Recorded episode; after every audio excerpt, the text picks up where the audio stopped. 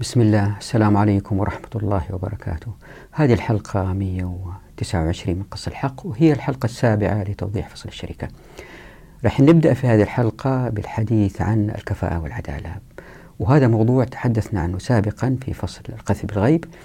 بس أعطيكم فكرة سريعة عنها غير ملمين بعلم الاقتصاد أنه العالم الغربي وقع في مأزق اقتصادي فكريا بين العدالة والكفاءة المقصود بالكفاءة أنه إذا كان عندنا مثلا طريق اسفلت طوله 50 كيلو ونبغى نسفلته هل نعطي كل 10 كيلو لشركة أو نعطي المشروع كله لشركة أو نعطيها لشركات متخصصة شركة تمهد وبعدين شركة تسفلت وبعدين شركة تلون الطريق أو كيف الحل؟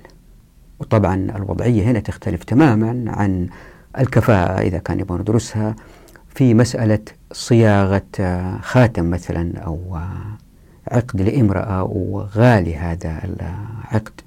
فهل يقطعوا الألماس في مكان وينقلوه بعدين إلى المكان اللي بيسووا فيه الذهب والبلاتين أو في نفس المكان يسووا كل شيء. أو كل هذه التعقيدات تتطلب ميزان دقيق للوصول إلى أعلى كفاءة ممكنة في الإنتاج بأقل أيدي عاملة. حتى ما يصير في هدر في الطاقة البشرية في عملية الإنتاج. من ناحية ثانية العدالة ألا وهي أنه إذا كان في أموال كيف نقسمها بين الناس بالعدل؟ هذه مسألة حار فيها العقل البشري القاصر. فإذا تنظروا في كتاب عمارة الأرض وضعت في بداية الكتاب مثال الشجرة وكيف أنه إذا كان قرية أعطيت عدد معين من الأشجار كيف تقسمها؟ هل تضعها كلها في وسط المدينة ولا تضعها في الشوارع كلها ولا تضعها داخل الدور؟ ولها متراكمات هذه لها مآلات. فإذا وضعوا الأشجار في وسط المدينة يمكن يجتمعوا الرجال هناك ويتناقشوا ويمضوا وقت جيد. ويمكن هذا لا يكون على حساب أنهم يتركوا بيوتهم لكن إذا وضعت الأشجار في وسط البيوت بالتالي الثمار تكون للناس اللي هم ساكنين في البيوت لكن إذا تحطت في الشوارع يمكن الثمار هذه ما حد يعتني فيها يمكن الجابي يأخذها يبيعها لجهة ثانية فتفتح أبواب للتلاعب بهذه الثمار فمسألة طويلة معقدة علم الاقتصاد حاير فيها حاير بين الكفاءة في الأداء والعدالة في التوزيع. طبعا هذا مثال شجرة لكن إذا الواحد فكر في المجتمع ككل في أموال النفط في أموال الفوسفات في أموال الضرائب التي تجمع في كل هذه الأموال كيف تقسم بحيث أنه تظهر العدالة في المجتمع وبحيث أنه الكفاءة تكون عالية في الأداء؟ والآن إلى إعطاء فكرة عن هذه الحلقة. في هذه الحلقة بعض النقاط التذكيرية التي تحدثنا عنها سابقا حتى نتهيأ للحلقة القادمة اللي يتحدث عن الشركة أو مبادئ الشركة التي وضعتها الشريعة حتى يظهر مجتمع في كفاءة وعدالة ومن غير تلويث للبيئة ومن غير تعاسة في أداء العمل. كما بينا في فصل قذف بالغيب مسائل تؤدي إليها الرأسمالية من تعاسة وأمراض. سنبدأ إن شاء الله بإظهار توجه عند الفقهاء اللي هم اشتغلوا في علم الاقتصاد أو الاقتصاديين الذين حاولوا إيجاد اقتصاد إسلامي. فظهرت عندهم إشكالية أنهم ما ركزوا على التفريق بين القيم والحركيات. فمثلا يقولوا من سمات الاقتصاد الإسلامي أنه يدعو إلى عدم الإسراف وإلى عدم التبذير وأنه الناس يتصدقوا على الآخرين ويكون في تكافل اجتماعي. طبعا هذه كلها من القيم لأنه ما نقدر نلزم الناس فيها. وهم في الوقت ذاته أظهروا الحركيات اللي هي منها دفع الزكاة ومنع الربا. فإلا صار أنه ظهرت ثغرة جو العلمانيين هاجموا فيها الاقتصاد الإسلامي أنه كيف يا مسلمين تبنوا اقتصاد مبني على مبادئ ما نقدر نتأكد من تطبيقها. يعني ما نقدر نعتمد على أنه هذا الإنسان يجب أن لا يسرف. أو أنه يتصدق على الآخرين أو أنه في تكافل اجتماعي. هذه ليست حتميات ممكن نبني عليها الاقتصاد مثل فرض الضرائب. فحتى أوضح أنه ما كان في تركيز على التمييز بين القيم والحركيات أعطي ثلاثة أمثلة من ثلاثة باحثين. وبعدين أبين زي ما ذكرت مرارا أنه الشريعة مبنية أساسا على حركيات ألا وهي حقوق وضعتها في الشريعة تؤدي إلى أنه القيم تزداد في المجتمع بعد ما يزداد إنتاجه فالحركيات تؤدي إلى زيادة الإنتاجية مع كفاءة وعدالة في التوزيع عندها يسمو المجتمع وعندها ترتفع القيم. يعني الحركيات توجد مجتمع سامي ثم القيم تسمو. فأحاول أبين أن كتاب قص الحق في توجه واضح للتمييز بين القيم والحركيات وأنه القيم تسمو إن طبقنا الحركيات.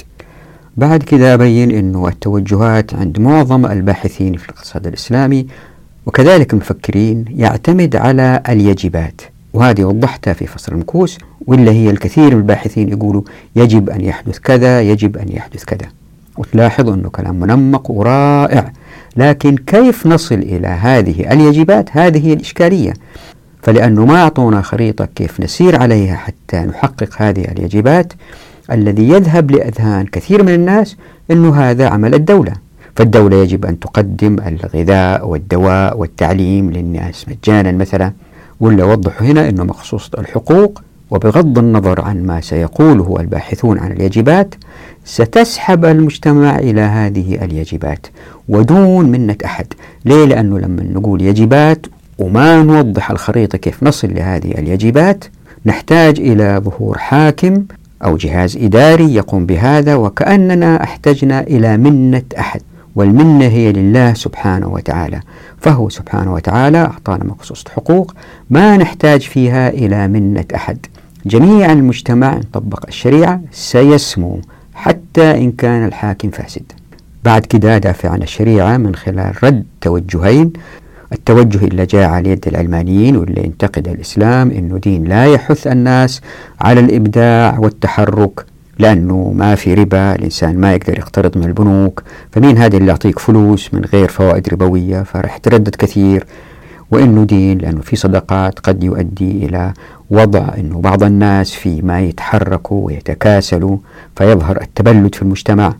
فأرد على هذا التوجه ثم أرد على التوجه الآخر ألا وهو اليجبات فأبين أن التوجهين لم يعطيا الإسلام حقه بعد كده أبين أنه الشريعة أتت بنوعين من الحركيات أو مجموعتين من الحركيات.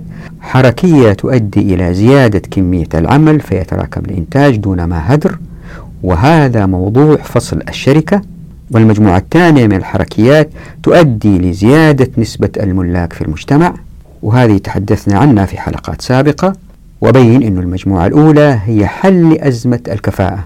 قلت حل لأزمة الكفاءة والمجموعة الثانية هي حل لأزمة العدالة.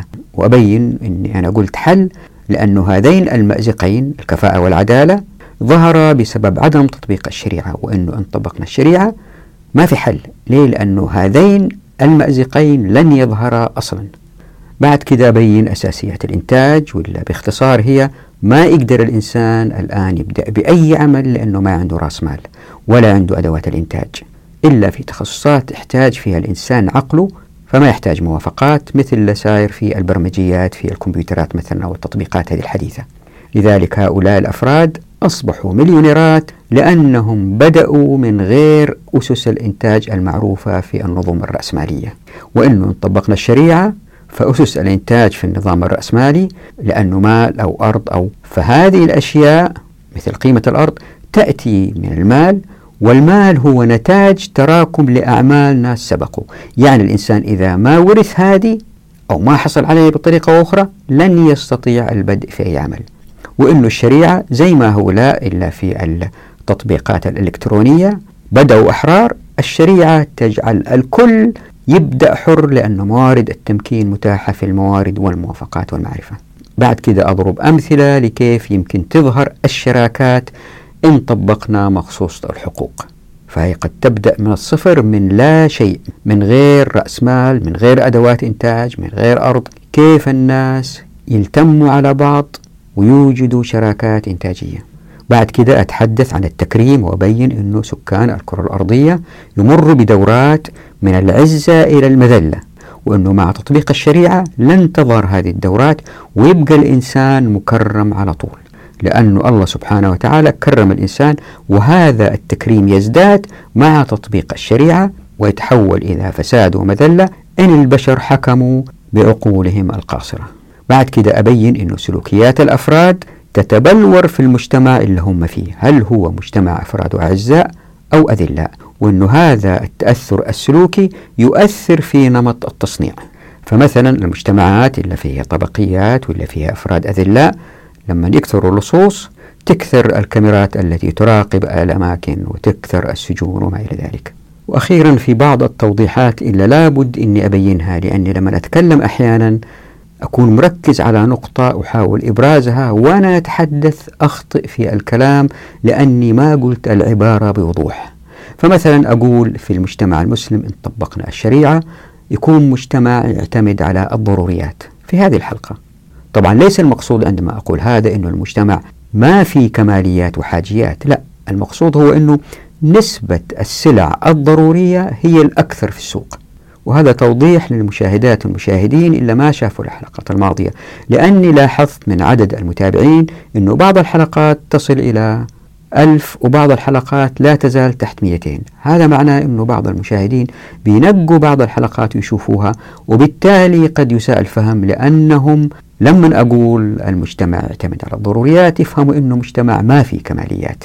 وأيضا من التوضيحات اللي يمكن يساء فهمها في هذه الحلقة مثلا قلت مع فتح أبواب التمكين يمكن يجي واحد يحفر بئر. طبعا المقصود بئر نفط. ليس المقصود هنا شخص واحد يجي يحفر بإيده بفاس. لا أنا قلت الجملة هذه المقصود أنه مجموعة مع بعض يجوا يشتغلوا لحفر بئر وليست شركة كبيرة. ولأنه بعض المشاهدات والمشاهدين ما شافوا الحلقات الماضية يمكن يقولوا هذا اتجنن كيف واحد يحفر بئر أو كيف حتى جماعة تحفر بئر؟ وإذا تتذكروا بينا في حلقات ماضية أنه الإجابة سهلة جدا. أنت خذ أي شركة كبيرة فيها أقسام مختلفة قسم حفر وقسم شحن وقسم بحث عن مناطق نفط مثلا وأسأل تلك المجموعة خلينا نقول المجموعة اللي تحفر. واحد يسألهم يقول لهم تقدروا أنتم بنفسكم تحفروا هذا البئر من غير إدارة عليا؟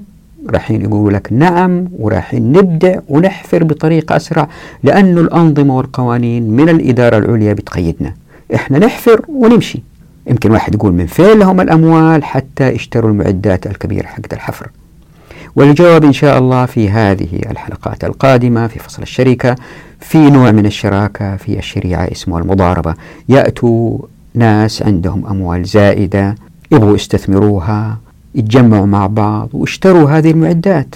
أو نفس هؤلاء اللي عندهم خبرة في الحفر يروحوا يجمعوا هؤلاء الناس ويقولوا لهم أعطونا أموال وأدخلوا معنا شركاء وراح نكون شركة صغيرة. فقط مهمتها حفر الآبار. طبعا هذه التفاصيل تأتي إن شاء الله في فصل الشركة. هنا أيضا توضيح آخر الواحد يقول أنه في الشريعة الإنسان لما يشتغل كأجير هو بيشتغل مقابل إتمام مهام معينة. وفي هذا إجحاف للناس لأنهم بيشتغلوا ساعات كثيرة لإنهاء عمل معين وقد يطول معهم هذا العمل وهذا يختلف عن الموظف اللي يمكن نوعا ما يرتاح. ويمكن اضرب مثال بكذا بشركة أمازون. وضعت هنا في صندوق الوصف تحت الشاشة رابطين عن شركة أمازون وكيف الموظفين فيها بينجلدوا وبيتعبوا. فمثلا الموظف لازم ينهي مية عملية سكانينج خلال ساعة أو ساعتين ما أدري. فهو إنتاجه مربوط ليس بساعات عمل ولكن بكم ينجز؟ واحد يشتغل أجير كم ينجز؟ وليس أجير في الغالب في الغالب وليس أجير بالشهر أو بالسنة أو بالأسبوع. فيمكن واحد يقول لا هذا في قهر للناس مثل شركة أمازون. والجواب هو الآتي أنه إحنا بنفكر في إطار رأسمالي هدول الموظفين اللي اشتغلوا عند أمازون هم مضطرين يشتغلوا عند أمازون لأن الأيدي العاطلة كثيرة وما في أبواب تمكين مفتوحة لهم. عندها يجلدوا في هذا الوضع العمل بالأجر الشهري مقابل مسؤوليات محددة يقوم فيها الشخص أفضل كثير نفسيا من العمل لدى أمازون. يا ريتكم تشوفوا الفيديو عن أمازون. توضيح أيضا أخير. أحيانا أقول أنه الناس اشتغلوا أقل لأنهم ليسوا مجلودين إن طبقنا الشريعة الإسلامية. يعني واحد يشتغل مثلا في استخراج الذهب من منطقة معينة فهو بدل ما يشتغل 8 ساعات يشتغل ساعتين ثلاثة واللي يجي يكفيه مثلا. وفي فيديوهات أخرى أقول أنه الناس اللي يشتغلوا لأنفسهم يشتغلوا ساعات أطول لأنهم مستمتعين بالعمل. زي واحد عنده بقالة يجلس فيها ساعات أطول يرتب البضائع مستمتع. فيمكن واحد يقول لي يا جميل هنا في تناقض. مرة بتقول إنه الناس يشتغلوا أقل لأنهم شغالين لأنفسهم ومرة بتقول إنهم يشتغلوا ساعات أكثر لأنهم شغالين لأنفسهم. الجواب هو كالآتي في أعمال شاقة مثل تجميع الأخشاب وهذا الإنسان لما يتعب ويمكن ما يستمتع كثير يعمل فيها بالقدر اللي يأكله ويشربه ويجعل له فائض مالي للمستقبل. فهذا عمل منهك. لكن الشخص اللي يشتغل في مسألة إبداعية تصميم تدريس وما إلى ذلك بعض الأعمال استمتع الناس فيها عنده مزرعة يزرعها عنده أبقار يتفرج عليها يربيها. فهذه لأنه ما فيها مشقة كبيرة يمكن يستمر فيها ساعات أطول. فالشريعة تعطي الأفراد الحرية أنهم يختاروا كم ساعة يشتغلوا. وبالتالي زي ما قلت مرارا لأنه ما في جلد للناس حتى يشتغلوا ساعات أطول إلا بيصير أنه مثلا في تقطيع الأخشاب زي ما ذكرت في هذه الحلقة إلا بيصير أنه الأخشاب اللي تتقطع تكون أقل لأنه ما في شركات كبرى تيجي تقطع كل المنطقة وترحل.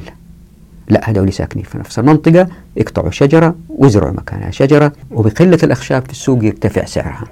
وهذا يساعد على الابتعاد من التلوث. والآن إلى التوضيح.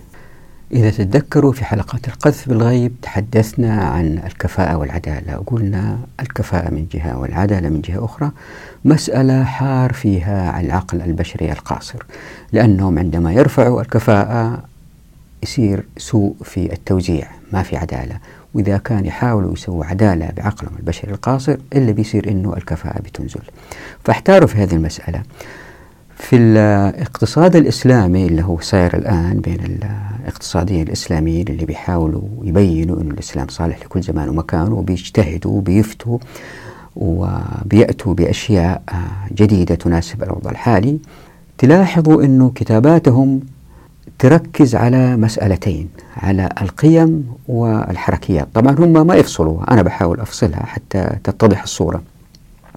هم يقولوا أن الإسلام اقتصاديا يجب أن يكون أفراد المجتمع متحلين بقيم عالية إنهم ما يسرفوا والخيرات هذه أمانة وبالتالي عندما تفعل المؤسسات الكبيرة مثل التي في الولايات المتحدة الأمريكية ترمي الحبوب في البحر فهذا تصرف غير مسؤول وأن الأفراد لازم ما يسرفوا ولا يبذروا وأنه حتى لا تتراكم الثروات عند الأثرياء في منع للربا وأنه عشان الفقراء يستطيعوا أن ينهضوا ويعملوا في الزكاة. فتلاحظوا أنه في هذه التوجهات ثغرة كبيرة بيهجم منها العلمانيين على المسلمين اللي هم في علم الاقتصاد. كيف؟ يعني يقولوا كيف نبني علم اقتصاد على مبادئ ما يمكن نتأكد منها؟ يعني كيف نقول للواحد لا تبذر ولا تسرف؟ هذه مسألة شخصية ما, ما نقدر نسيطر عليه فيها. كيف نقول للمؤسسات لا ترموا الحبوب؟ هذا ملكهم يسووا في اللي حتى دول بتقوم بهذه المسألة.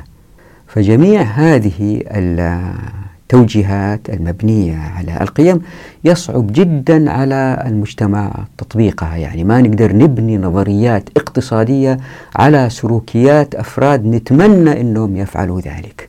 طبعا مع العلمانيين حق في هذا النقد ليه؟ لأنه هذه كلها أمنيات. بينما أيضا في الشريعة مثل ما يذهب علماء الاقتصاد هناك حركيات مثل منع الربا مثل فرض دفع الزكاة. هذه كلها حركيات. هذه يمكن نبني عليها توقعات في الاقتصاد المستقبلي. هنا وضعت في الشاشة نص لمحمد علي القري وهذا النص من كتابه تحت عنوان العدالة في توزيع الدخل ضمن النظام الاقتصادي الإسلامي. يمكن تلاحظوا في النص أنه حركية الزكاة باعتقاد المؤلف وآخرين هي أداة تؤدي للتوزيع العادل حتى وإن كان على حساب النمو الاقتصادي. واللي راح أحاول إثباته أنا في الحلقة القادمة أنه الشريعة تؤدي للاثنين معا يعني توزيع عادل ونمو اقتصادي في نفس الوقت. وأنه اللي قاله الدكتور هو وضع ينتج عندما يعمل الاقتصاد الإسلامي أو الاقتصاد المؤسلم في ظل إطار رأسمالي كما بينت في الفصول اللي راحت. طبعا أنا وضعت هذا النص هنا ونص آتي كمان يأتي حتى أنبهكم للزلل اللي وقع فيه مختصو الاقتصاد. ليه؟ لأنهم ما فرقوا بين القيم والحركيات. تذكروا تحدثنا عن المنة وقلنا أن الإسلام ما يحتاج منة أحد. فالشريعة مبنية على الحركيات إن طبقت القيم ستسمو. خلينا ناخذ مثال آخر. في كثير من الباحثين يضعوا تصورات مثالية لكن ما يوضحوا لنا كيفية الوصول لهذه التصورات. فمثلا وضعت هنا في الشاشة اللي قالته الباحثة نعمة مشهور وضعته في ثلاثة لقطات. إذا قرنت اللي في الاقتباس في الشاشة مع اللي مر فينا عندما تحدثنا عن تفسير سورة الزخرف تستنتج الباحثة فهمت أن آية التسخير وكأنها خطاب لتوضيح حال المسلمين على أنه مجتمع طبقي. فهي بتقول أن التسخير هو عمل ونظام وليس تسخير قهر وإذلال. وإذا تتذكروا في تأويل قوله تعالى أعوذ بالله من الشيطان الرجيم. لجعلنا لمن يكفر بالرحمن لبيوتهم سقفا من فضة ومعارج عليها يظهرون. وأنه هذه الآية زي ما أولناها تثبت أن المجتمع غير المسلم مقسم لطبقات مسخرة بعضها فوق بعض قهرا وأنه تراكم الثراء عند البعض كان لدرجة كنزه في الأسقف وأنه حتى وإن كان الخطاب موجه للمسلمين وأن هناك تسخير عمل ونظام وليس تسخير قهر. السؤال هو كيف نصل كمجتمع للعدالة في التوزيع؟ وهذه مسألة وضحناها في فصل المكوس اللي ما شرحت في الفيديوهات أنه كثير من الباحثين يقولوا أنه الاقتصاد الإسلامي يجب أن يكون كذا يجب أن يكون كذا. وضعت عنوان اسمه اليجبات يعني كثير من الفقهاء والباحثين في علم الاقتصاد والتنمية يقولوا أنه يجب أن يكون المجتمع في توزيع عادل للثروات. طيب بعدين السؤال كيف هذا اليجب يتحقق؟ ولأنه ما في جواب ما بيبينون كيف نصل لهذا المجتمع. يذهب الذهن إلى أنه هذا من عمل الدولة. لذلك يكثر الحديث عن الحاكم العادل الحاكم لا يلجأ لأهوائه في التوزيع وما إلى ذلك. لكن هذا الحاكم متى يأتي؟ كل مئات السنين؟ وهل يعقل أن الشريعة تضع نظام اقتصادي يعتمد على شخص يمكن يأتي؟ أو تضع نظام عقليا يعني بديهيا؟ تضع نظام لن يتوقف في أدائه على فرد يمكن يكون فاسد.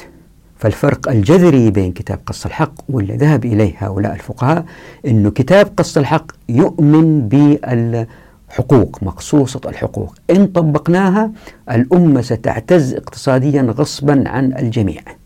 يعني ما نحتاج منة فرد حاكم عادل يمكن يأتي ويمكن يوزع بطريقة عادلة. فهؤلاء الذي يحدثون عن اليجبات يخلونا نحلم وننتظر متى يأتي هذا الحاكم العادل حتى تتحقق هذه اليجبات لا الشريعة ما هي كده. الشريعة وضعت حقوق المجتمع سيصل إلى مجتمع عادل بكفاءة عالية في الإنتاج إن هو سار على هذه الحقوق. اللي بيصير أنه هؤلاء الفقهاء والباحثين عندما يجتهدوا وعندما ينظروا بيقولوا يجب أن يكون المجتمع كذا يجب أن يكون كذا. وبالتالي من يطبق هذه اليجبات هو الحاكم.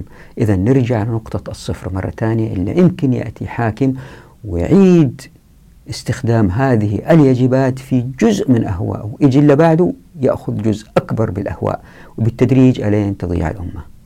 انتبهوا لهذه المسألة هذه مهمة جدا أنه اليجبات عندما يقولوها الفقهاء أو الاقتصاديين الكل ينبهر فيها يقول يا سلام ممتازة.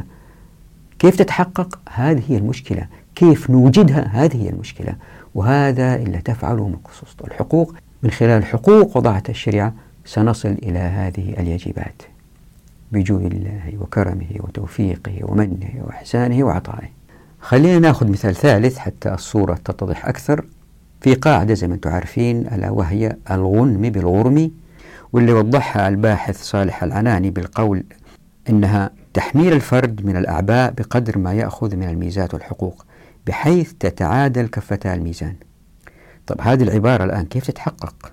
كيف نوجدها على أرض الواقع؟ ما هي الآليات للوصول لهذا التعادل؟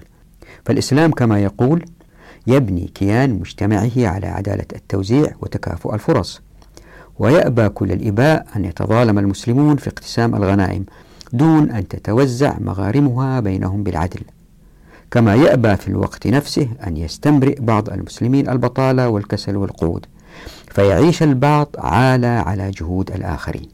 وزي ما أنتم شايفين من هذه الأمثلة التي تعتمد على اليجبات أنه كان في نقد شديد من العلمانيين على اللي يتبنوا الاقتصاد الإسلامي أنه هذه أمنيات لا تتحقق على أرض الواقع إلا بالآليات. يا جماعة الخير أعطونا آليات فمثلا يهاجموا الأفراد اللي تبنوا الاقتصاد الإسلامي بأنه أنتم بتعتمدوا على أفراد يمكن بعضهم يكونوا متكاسلين بعضهم قنوعين بعضهم زاهدين وبالتالي هؤلاء ما يشتغلوا بشدة لأنه ما في تنافس في المجتمع مزروع بنظام رأسمالي بالعكس بعضهم يقولوا شوفوا الإسلام كيف يحث الناس على الإنفاق على الإنفاق فالواحد ينفق ينفق يأتي في آخر عمره ما عنده رأس مال يستثمروا ولا يورثوا لأنه أنفق كل أمواله على الآخرين. وهذا يؤدي إلى أنه الآخرين بيأخذوا الأموال وما يشتغلوا يتعلموا الكسل. وبالتالي الدين هذا لا يؤدي إلى المزيد الإنتاجية لأنه لا يعتمد على الفردانية في العالم الغربي. يعتمدوا على الفردانية يعتمدوا على تكثيف رأس المال على عدم الإنفاق وتجميعه حتى يستثمر. وراح تشوفوا أنه كل هذا غير صحيح إن شاء الله بإذن الله. الفكرة اللي حاول يوضحها كتاب قص الحق في الحلقة القادمة أنه التوجهين واحد اتهم الإسلام بأنه دين ما يحث الناس على التحرك وبالتالي لأنه ما في فوائد ربوية الناس ما يقدروا يقترضوا وما يقدروا يشتغلوا. والتوجه اللي بيقول أنه لا يجب أن يكون كذا يجب أن يكون كذا وما بيعطينا آليات كيف تشتغل على أرض الواقع. التوجهين ما أعطوا الإسلام حقه من المكانة اللي يمكن إذا رجعنا لها على الأقل على مستوى النظر الآن إذا تقبلناها وطبقناها على أرض الواقع تعطينا مجتمع باقتصاد قوي جدا بعدالة في التوزيع وبكفاءة عالية. مثلا مثلا يعني مثال مثال سريع عندما يكون للناس الحق في أخذ الخيرات الموارد وإحياء الأراضي وما إلى ذلك الحاجة إلى رأس المال لبدء مشروع تقل. وبالتالي الحاجة إلى الربا تقل وبالتالي أدوار البنوك تقل. وبالتدريج زي ما راح تشوفوا أنه الأمور تقل تقل تقل إلا هي خارج دائرة الشريعة والتي تؤدي إلى بيروقراطيات والتي تؤدي إلى ظلم وفساد. خليكم معي إن شاء الله حتى تشوف الحلقات القادمة كيف تشتغل. خليني أعطي فكرة الآن عن هذه الحركيات. الحركيات التي أتت بها الشريعة يمكن تقسيمها إلى مجموعتين. حركيات تؤدي لزيادة كمية العمل بتراكم ودون هدر ليزداد الإنتاج في المجتمع. وهذا هو موضوع هذا الفصل. يعني مو زي ما قالوا العلمانيين اللي بيطعنوا في الشريعة إنها تؤدي إلى مجتمع لا ينتج. والمجموعة الثانية هي حركيات تؤدي لزيادة نسبة الملاك. وهذا وضحناه في فصول سابقة وسيأتي التوضيح أيضا بإذن الله في فصل الفصل والوصل والأماكن والبركة. يعني المجموعة الأولى أو الحركيات التي تؤدي لتراكم كمية العمل هي حل مأزق الكفاءة لرفع الإنتاجية. والمجموعة الثانية يعني الحركيات التي تؤدي لزيادة نسبة الملاك هي حل مأزق العدالة في توزيع الثروات دون تثبيط الهمم. والمعجز في هاتين المجموعتين من الحركيات زي ما راح تلاحظوا انها تفتح أبواب التمكين لكل واحد عنده همة ودؤوب بغض النظر عن مقوماته وتغلق أمام كل من حاول استغلال مقوماته المالية أو السلطوية لقفل الباب أمام الآخرين. وقلت حل لأني أحاول توضيح رفعة الإسلام مقارنة بالنظم الوضعية. لكن لاحظوا أنا قلت هنا حل لأنه في مشكلة لكن إن طبقنا الشريعة ابتداء هذين المأزقين لن يوجدا أصلا. يعني مأزق الكفاءة في الإنتاج والعدالة في التوزيع. هذين لن يوجدا أصلا لأن مقصوصة الحقوق. ستوجد مجتمع لا يواجه مثل هذه المآزق. فما في حاجة للحل أصلا زي ما رحين تستنتجوا بإذن الله لأنه ما في مشكلة أصلا بحاجة للحل. بالنسبة للكفاءة وتراكم العمل خلينا أفكركم باللي راح في الحلقات الماضية أنه كنا نتحدث دائما أنه إشكالية الاقتصاد بالمفهوم المعاصر اللي هو من وضع العقل البشري القاصر يتمحور حول رأس المال. ما في أي مشروع ممكن يؤدي إلى الربح إلا من خلال رأس مال. ورأس المال هذا يأتي بالأرض ويأتي بالعمال الموظفين يأتي بالمعرفة. وقد يأتي أيضا بالتصاريح والموافقات من الدولة من خلال الرشاوي لكن هذا نادر في الدول الغربية. وهذه إلا وضحتها مرارا وتكرارا وركز عليها أنه التمكين هو فتح أبواب الموارد والموافقات والمعرفة. يعني باختصار إذا الإنسان ما عنده رأس مال صعب جدا يبدأ أي مشروع يكسب من وراه. وبالتالي يضطر يشتغل كموظف والأرباح تذهب لملاك الشركة أو للدولة. يعني المشهد مهيأ لأنه يكون المجتمع طبقي. وفي الحالة هذه اللي بيصير الناس اللي بيشتغلوا في أشياء ما يملكوها الكفاءة لن تكون عالية في أدائهم لأنهم بيشتغلوا في حاجة ما يملكوها. وهذه وضحتها عمرانيا في كتاب عمارة الأرض. الآن راح أوضحها في هذا الفصل اللي هو الشركة والفصل القادم كيف تشتغل من جانب اقتصادي. هذه الأساسيات في التفكير الرأسمالي الذي يؤدي إلى إيجاد المصانع والمزارع وجميع مرافق الإنتاج. هذه الأساسيات هي ليست مقومات أساسية هي مبنية على رأس المال. طيب رأس المال هذا أصلا هو إنتاج لعمل سابق. يعني إنتاج لناس هم ملكوه. فالناس اللي ما عندهم هذا الشيء لا يستطيعوا البدء. فهو ليس مقوم أساسي. فأبواب التمكين مقفلة. طيب ما هو المقوم الأساسي؟ منطقيا المفروض يكون المقوم الأساسي هو الأرض والبحر والجو والأشياء اللي فيها. هذه الأشياء إذا الناس تمكنوا من الوصول إليها والاستفادة منها هي إذا مقوم أساسي بالإضافة إلى العضلات والعقل. لهذا في الفترة الأخيرة في آخر خمسين سنة بالذات اللي صاروا أثرياء من غير مقوم أساسي هم الناس اللي ابتكروا البرامج الإلكترونية التطبيقات العلمية التي تستخدم في الأجهزة مثل الجوالات والحاسب الآلي. مواقع تواصل اجتماعي مواقع تواصل أكاديمي وما إلى ذلك من برمجيات ما تحتاج إذن أحد تقريبا في الغالب يعني إلا إذا كان استخدم آه، برنامج واحد آخر. ما تحتاج أرض ما تحتاج موافقة. فهؤلاء انطلقوا لأنه المقوم الأساسي بالنسبة لهم هو عقلهم. تخيلوا أنه البشرية المقوم الأساسي فيها يكون متاح لكل الناس في جميع الموارد من أسماك في البحار من ألمنيوم في الأرض من أراضي تحيا. فزي ما انطلقوا الناس في الإلكترونيات راحين ينطلقوا في كل المجالات. وحتى نفهم هذا الفصل الشركة ونتفاعل معه لابد أنه نتذكر باستمرار في الخلفية هنا اللي مرينا فيه في الحلقات السابقة. فمثلا تحدثنا في فصل الأراضي كيف أنه الأراضي لمن أحياها تحدثنا في فصل الخيرات كيف أنه المعادن للناس اللي يستخرجوها تذكروا أن الناس ما يحتاجوا موافقات للعمل بأي مشاريع تذكروا أن الشريعة أقفلت طرق الأموال التي تذهب لبيت المال وجهتها للناس تذكروا أنه ما في شيء على الناس غير الزكاة اللي دفعوها ما عليهم ضرائب. تذكروا أنه للناس حرية الانتقال في الأمة الإسلامية. يجب أن نضع كل هذه الأفكار مع بعض حتى نقتنع بالذي يأتي في فصل الشركة. الوضع الطبيعي لمعظم الناس بالذات اللي عندهم همم عالية إنهم ما يشتغلوا عند غيرهم. إذا أتيحت لهم الفرصة أنهم يشتغلوا نفسهم خلينا نأخذ مثال بسيط.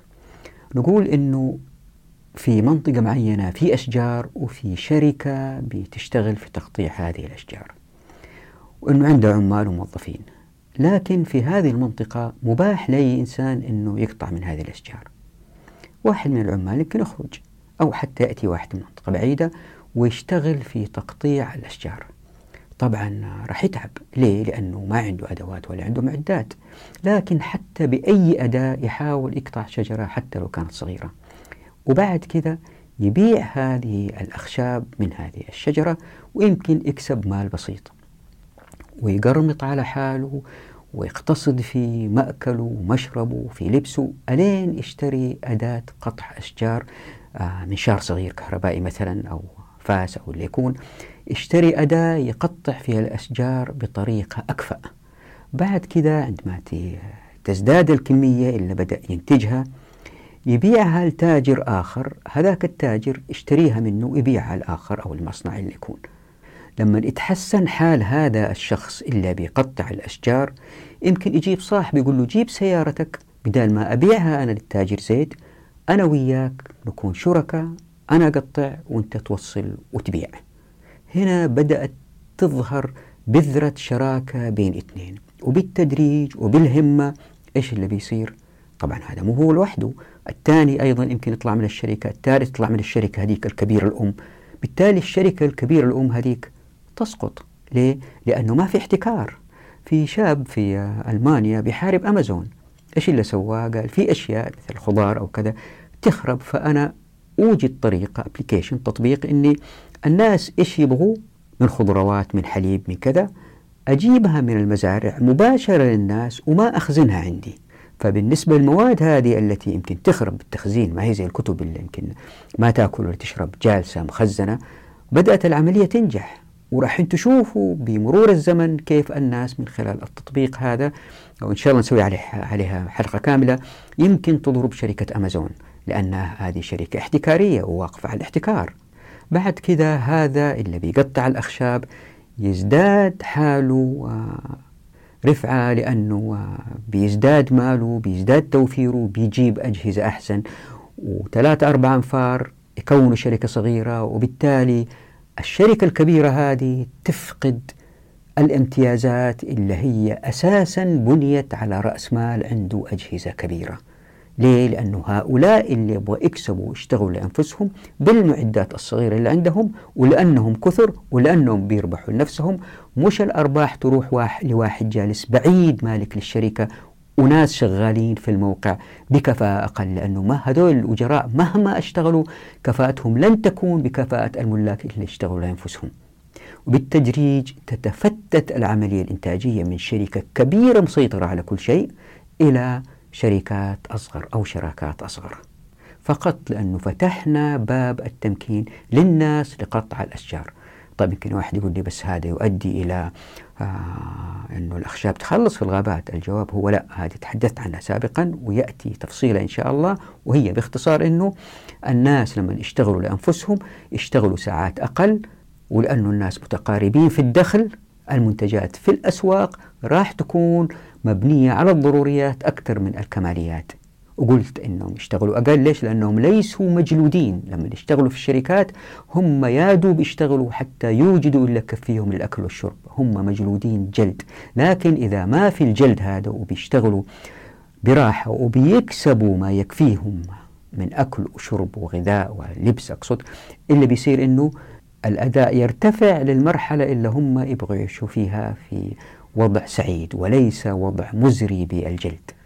طيب يمكن واحد يقول لي والله أنت يا جميل اخترت مثال بسيط تقطيع الأخشاب. أهو بنروح السوق بنحصل حطب ونقدر نشتريه لكن ما في نحاس بكميات آه هي من إنتاج الناس هي من إنتاج شركات لأنه الناس ما يقدروا ينتجوها لكن يقدروا آه يلقطوا الحطب يبيعوه.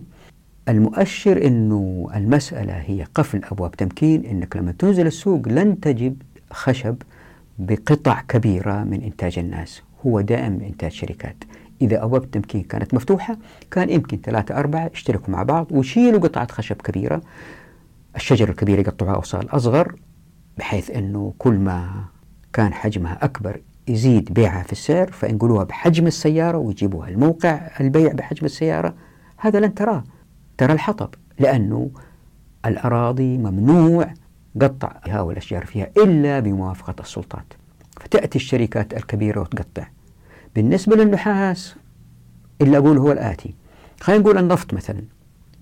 النفط الآن لأنه الوضع محتكر إلا بيصير أنه الشركة هي التي تبحث عن النفط.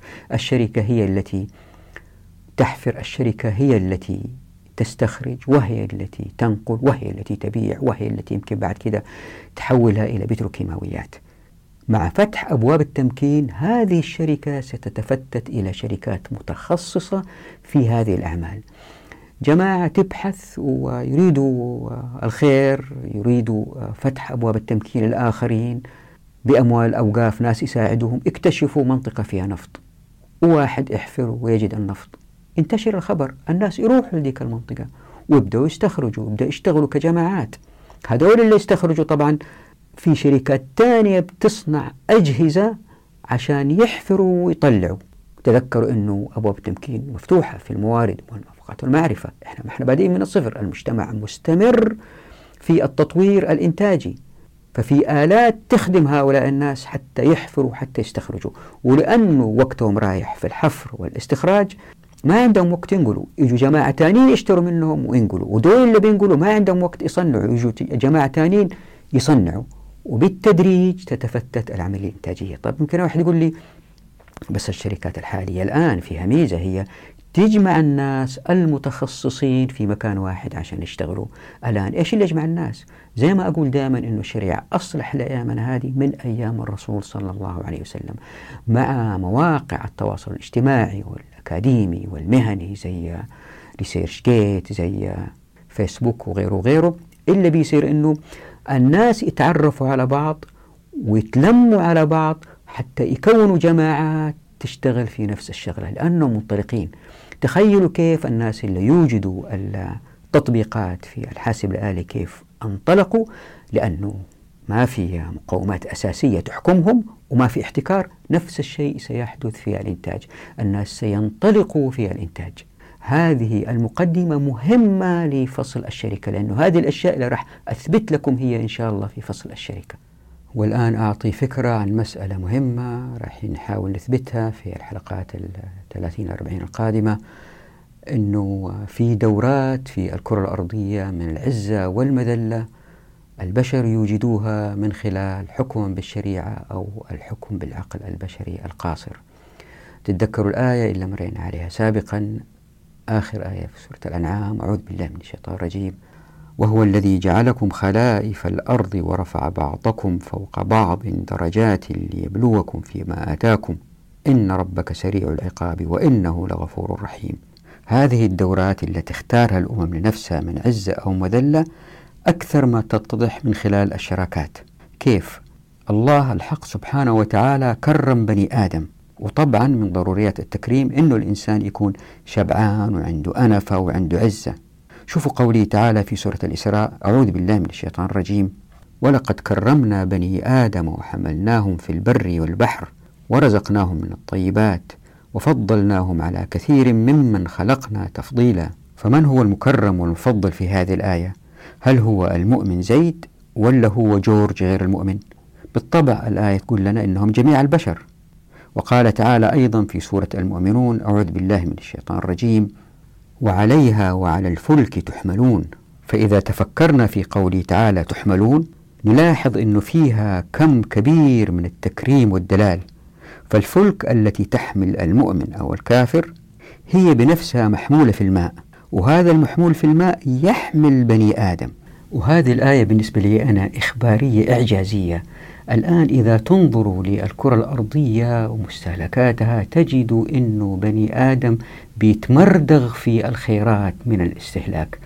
ليه؟ لأنه البضائع بتنقل من مكان لآخر بالسفن. شوفوا الصين كيف بتغزو العالم ببضاعاتها الرخيصة وهذه البرازيل أيضا قادمة والهند قادمة وكل الدول بتتناقل البضائع بين بعض ليزداد البشر رغد في الحياة. شايفين كيف التكريم اللي هو. مع الأسف كان مصحوب بالتلوث. وده التكريم يرتفع إن الناس حكموا بما شرع الله الحق سبحانه وتعالى زي ما راح نثبت في الحلقات القادمة. أما إن حكموا بعقولهم القاصرة فالنتيجة هي عكس التكريم. يعني المهانة والذل والجوع بسبب التسخير. يعني هذا التكريم إلا الله سبحانه وتعالى وعدوا بني آدم يتحقق إن هو طبق الشريعة في جميع معاملاته الحقوقية.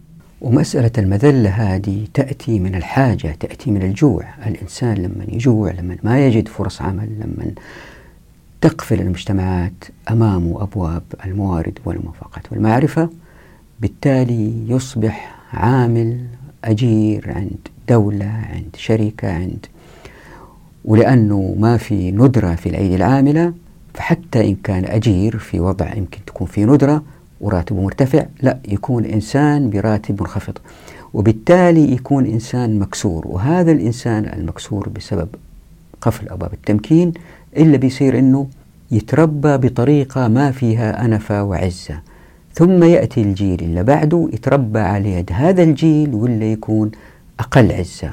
وجيل ثالث ورابع ألين الأمة كلها تنحدر من سيء إلى أسوأ. لذلك تجدوا أن الأفراد اللي نشأوا في مجتمعات اشتراكية أقدم من غيرها يعني كل ما كان المجتمع أقدم في الاشتراكية كان المجت... أفراد المجتمع أذلاء أكثر وأكثر. بشوية فلوس تبخشش أي واحد. أنتم عارفين هذا الكلام. ألين يأتي وقت أنه الجيل هذا من كثرة الجوع والمذلة ينفجر.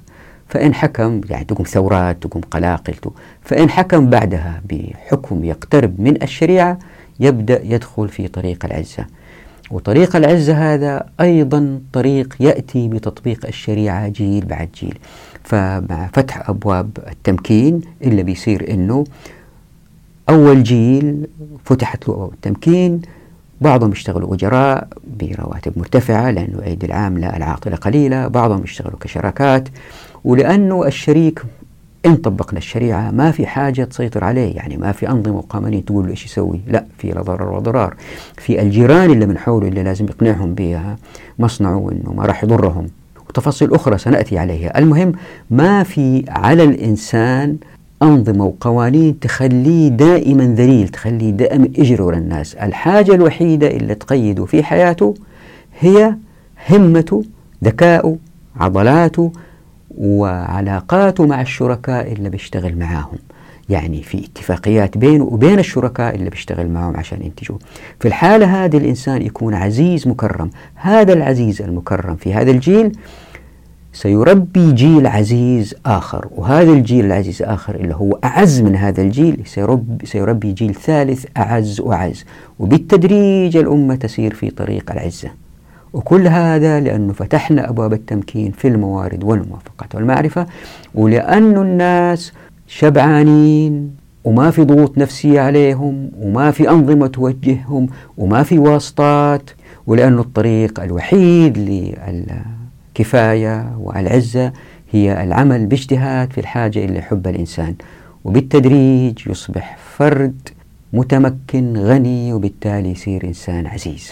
وكل هذا بسبب النظام الإنتاجي في المجتمع الذي يعتمد أكثر على الشراكات أو يعتمد على الإجارة في وضع الأيدي العاملة فيه نادرة جدا. وطبعا زي ما أنتم عارفين سلوكية الأفراد تختلف إذا كان الفرد أتربى في مجتمع عزيز أو أتربى في مجتمع ذليل. فإذا كان أتربى الإنسان هو نوعا ما ذليل حتى إذا كان المجتمع مزدهر كما في المجتمع الرأسمالي مثلا اللي بيصير أنه لأنه ما عنده فرص عمل ولأنه محتاج ولأنه فقير اللي يصير أنه يمكن يفكر يسرق مجوهرة. هذه المجوهرة لأنها صغيرة وحملها بسيط إذا كان يتمكن من سرقتها ولأنه فيها الكثير من الساعات في العمل والإتقان حتى ينتجوها لذلك هي غالية ولأنه معادنها نادرة. فاللي بيصير أنه تكثر مثل هذه السرقات في هذه المجتمعات. وبالتالي التوجه الإنتاجي في هذه المجتمعات يختلف في سلوكه عن مجتمعات أخرى. فتكثر مثلا إنتاج الأجهزة التي تكشف عن الكذب تكثر الأجهزة التي آه، تكتشف اللصوص يكثروا الكاميرات في الأماكن العامة في البنوك في مداخل العماير لأنه في سرقات لأنه في اعتداءات. ميزانية السجون ترتفع وكل هذه أشياء يمكن يستغني عنها المجتمع إن كانت سلوكيات الأفراد مختلفة.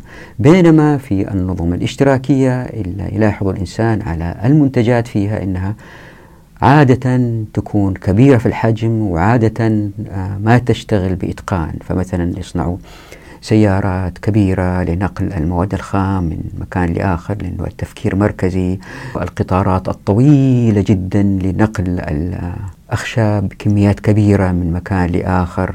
يفكروا في بناء سدود ضخمة كبيرة عشان يبهروا الآخرين حتى إذا كان فيها ضرر على البيئة من حولها. فالقرارات دائما كبيرة لكن في النهاية ما في شيء يشتغل صح واللي بنوه ما بيعطي عطاؤه زي ما توقعوا. واللي بيصير بالتدريج انهار المجتمع. لكن مع تطبيق الشريعة زي ما شفتوا السوق يبدأ ينتج المتقنة. ليه؟ لأنه الناس متقاربين في الدخل والناس بينفقوا في الأشياء اللي يحتاجوها أول ولأنه هذا المستهلك اللي يحتاجوه يتطلب السوق بكميات كبيرة والناس يتوجهوا له لأنه في شركات شركات مختلفة. إلا بيصير إنه في نوعيات كثيرة مختلفة بجودة عالية. أما الآن لما ننظر في الأسواق الرأسمالية في بضائع كماليات بجودات عالية جدا مثل المجوهرات مثل الساعات المتقنة. أنا دائما أكرر هذا الكلام. أنا ما أقصد أن الأثرياء ما يتمتعوا بأموالهم. خليهم يستمتعوا بها لكن أنه الأموال هذه يكونوا حصلوا عليها بوجه حق يعني مش من أبواب الاحتكار. أنا ما بقول لا تستمتعوا بأموالكم وتنفقوها زي ما تبغوا لا. هذا تفكير اشتراكي هذا تفكير ديكتاتوري. أنا اللي بقوله أنه نوجد مجتمع يعطي الناس الحق في الوصول للخيرات وبالتالي اللي يصير أنه هؤلاء الأثرياء لن يجدوا من يعمل لهم وبالتالي ثراءهم ينزل يصير زي الناس الآخرين. بالتالي السوق يستجيب بالضروريات. وطبعا ستظهر في هذه الأسواق إن طبقنا الشريعة الكثير من الكماليات لأنه في ناس انتربرونورز اللي يحاولوا أنهم يكسبوا ويحاولوا أنهم يوجدوا ابتكارات جديدة يدخلوا السوق. إذا كان منتجهم لأن الناس متقاربين في الدخل يحتاج المجتمع. هذه الكماليات تنتقل بسرعة تصير من الضروريات بطريقة متقنة. لكن إذا كان ما يحتاجوها الناس بكثرة تخرج من السوق. بينما في المجتمعات الاشتراكية كل الضروريات مضروبة. ويندر أن نجد كماليات وهي بؤس في بؤس. وهنا في مسألة أذكر فيها وقلتها مرارا وهي مصدر قلق للكثيرين اللي تتحدث معهم في هذه المسألة. أنه إذا كان فتحنا أبواب التمكين للناس ولهم الأخذ من الخيرات كما أرادوا كما استطاعوا المفروض نقول كما استطاعوا وليس كما أرادوا لأنه إرادتهم مربوطة باستطاعتهم. عندها موارد الكرة الأرضية لأنها كثيرة ولأنها لن تنضب ستكون أكثر من كافية. ولأن الكل عارف أنه زي الهواء تأخذ هواء ما تخاف أنه يخلص. الإنسان يعرف أنه يصيد سمك ما راح يخلص السمك. الإنسان يعرف أنه يقطع من أشجار الغابات ما راح تخلص. فاللي بيصير أنه لأنه ما في شركات كبرى حطيت في صندوق الوصف رابط لفيديو لشركات أمريكية جات لأندونيسيا عشان تحصل على الذهب والنحاس من جبل بعيد والوصول لهذه المنطقة جدا صعبة خربوا البيئة حتى يصلوا لهذه المنطقة. السكان الأصليين لن يفعلوا ذلك مع تطبيق الشريعة ولأنه الناس لما يشتغلوا شراكات هم يملكوا المكان اللي بيشتغلوا فيه ويملكوا المعدات اللي يشتغلوا فيها. إيش اللي بيصير؟ لن يضروا البيئة حتى هم ما يتضرروا وحتى يورثوا هذه البيئة اللي هم فيها لأبنائهم أبناء أبنائهم يحافظوا عليها. فلما يقطعوا شجرة يزرعوا شجرة مكانها. مش زي الشركات هذه اللي هي أصحابها ساكنين في قارة ثانية يمكن آه، شركة مثلا شغالة في البرازيل والمالك والمالك ساكن أو مجموعة ملاك ساكنين في أوروبا ولا نيويورك ولا يقطعوا الغابات ولا عليهم لأنهم ما هم موجودين. هذا فرق جذري بين اللي تؤدي إليه الشريعة وتؤدي إليه الرأسمالية. أن الناس المنتجين لما يكون في الموقع ما يمكن يلوث ذلك الموقع وبالتالي نحصل على بيئة غير ملوثة. يعني نساهم هذا يعني هي آه أسس كثيرة تؤدي إلى أن البيئة ما تتلوث. هذه أحد الأسس وسنأتي على غيرها إن شاء الله. فهم يحافظوا على البيئة ويحافظوا على مصدر رزقهم. فإذا كانت غابات مع كل شجرة يقطعوها ازرعوا مكانها شجرة. لأنه إذا خلصت هذه الغابة لازم انقلوا المنطقة ثانية ونقلوا معداتهم ما نعرف إيش. هم استقروا وسكنوا في بيوت ومرتاحين فيها. ما في داعي يهاجروا المنطقة ثانية إذا هذه المنطقة فيها وعد بالخيرات. إلا إذا ظهرت بطالة عندهم. هذا اللي عنده البطالة زي ما فصلنا زي ما وضحت فصل ابن السبيل ينتقل إلى منطقة أخرى فيها فرصة عمل. هذا من حيث أنه الموارد لن تنضم إن شاء الله في الكرة الأرضية. من ناحية ثانية يمكن الواحد يخطر في باله أنه إذا طبقنا الشريعة المنتجات تكون لأنها من الضروريات سهلة وبدائية. لا المنتجات ستكون متقنة أكثر وأكثر. ليه؟ لأنه مع سمو المجتمع لاحظوا قلت إنه المجتمع يمكن ينزلق إلى الذل والمهانة وما في تكريم ما في كرمنا بني آدم أو إنه إن طبق الشريعة التكريم يتحقق. عندها من أسس التكريم إنه الضروريات تكون متقنة. ليه؟ لأنه هذه الشراكات التي تنتج هذه الضروريات ولأنه عددها كبير كل جماعة تحاول أن تضيف ميزة جديدة في منتجها عشان تكسب السوق. وبالتالي من, الت... من خلال التنافس المنتجات هذه تزداد إتقان جيل بعد جيل. لا تنسوا أنه لأن الناس يملكوا هذه الأعمال أبنائهم معاهم شغالين من الصغر في نفس الشغلة. وبالتالي لأنه هذا طفل وشاف أبوه شغال في ماكينة وبيسوي ماكينة أبوه وشركائه ويروح المصنع وهو صغير مع أبوه ويبدأ يسوي شغلة صغيرة وما نعرف إيش.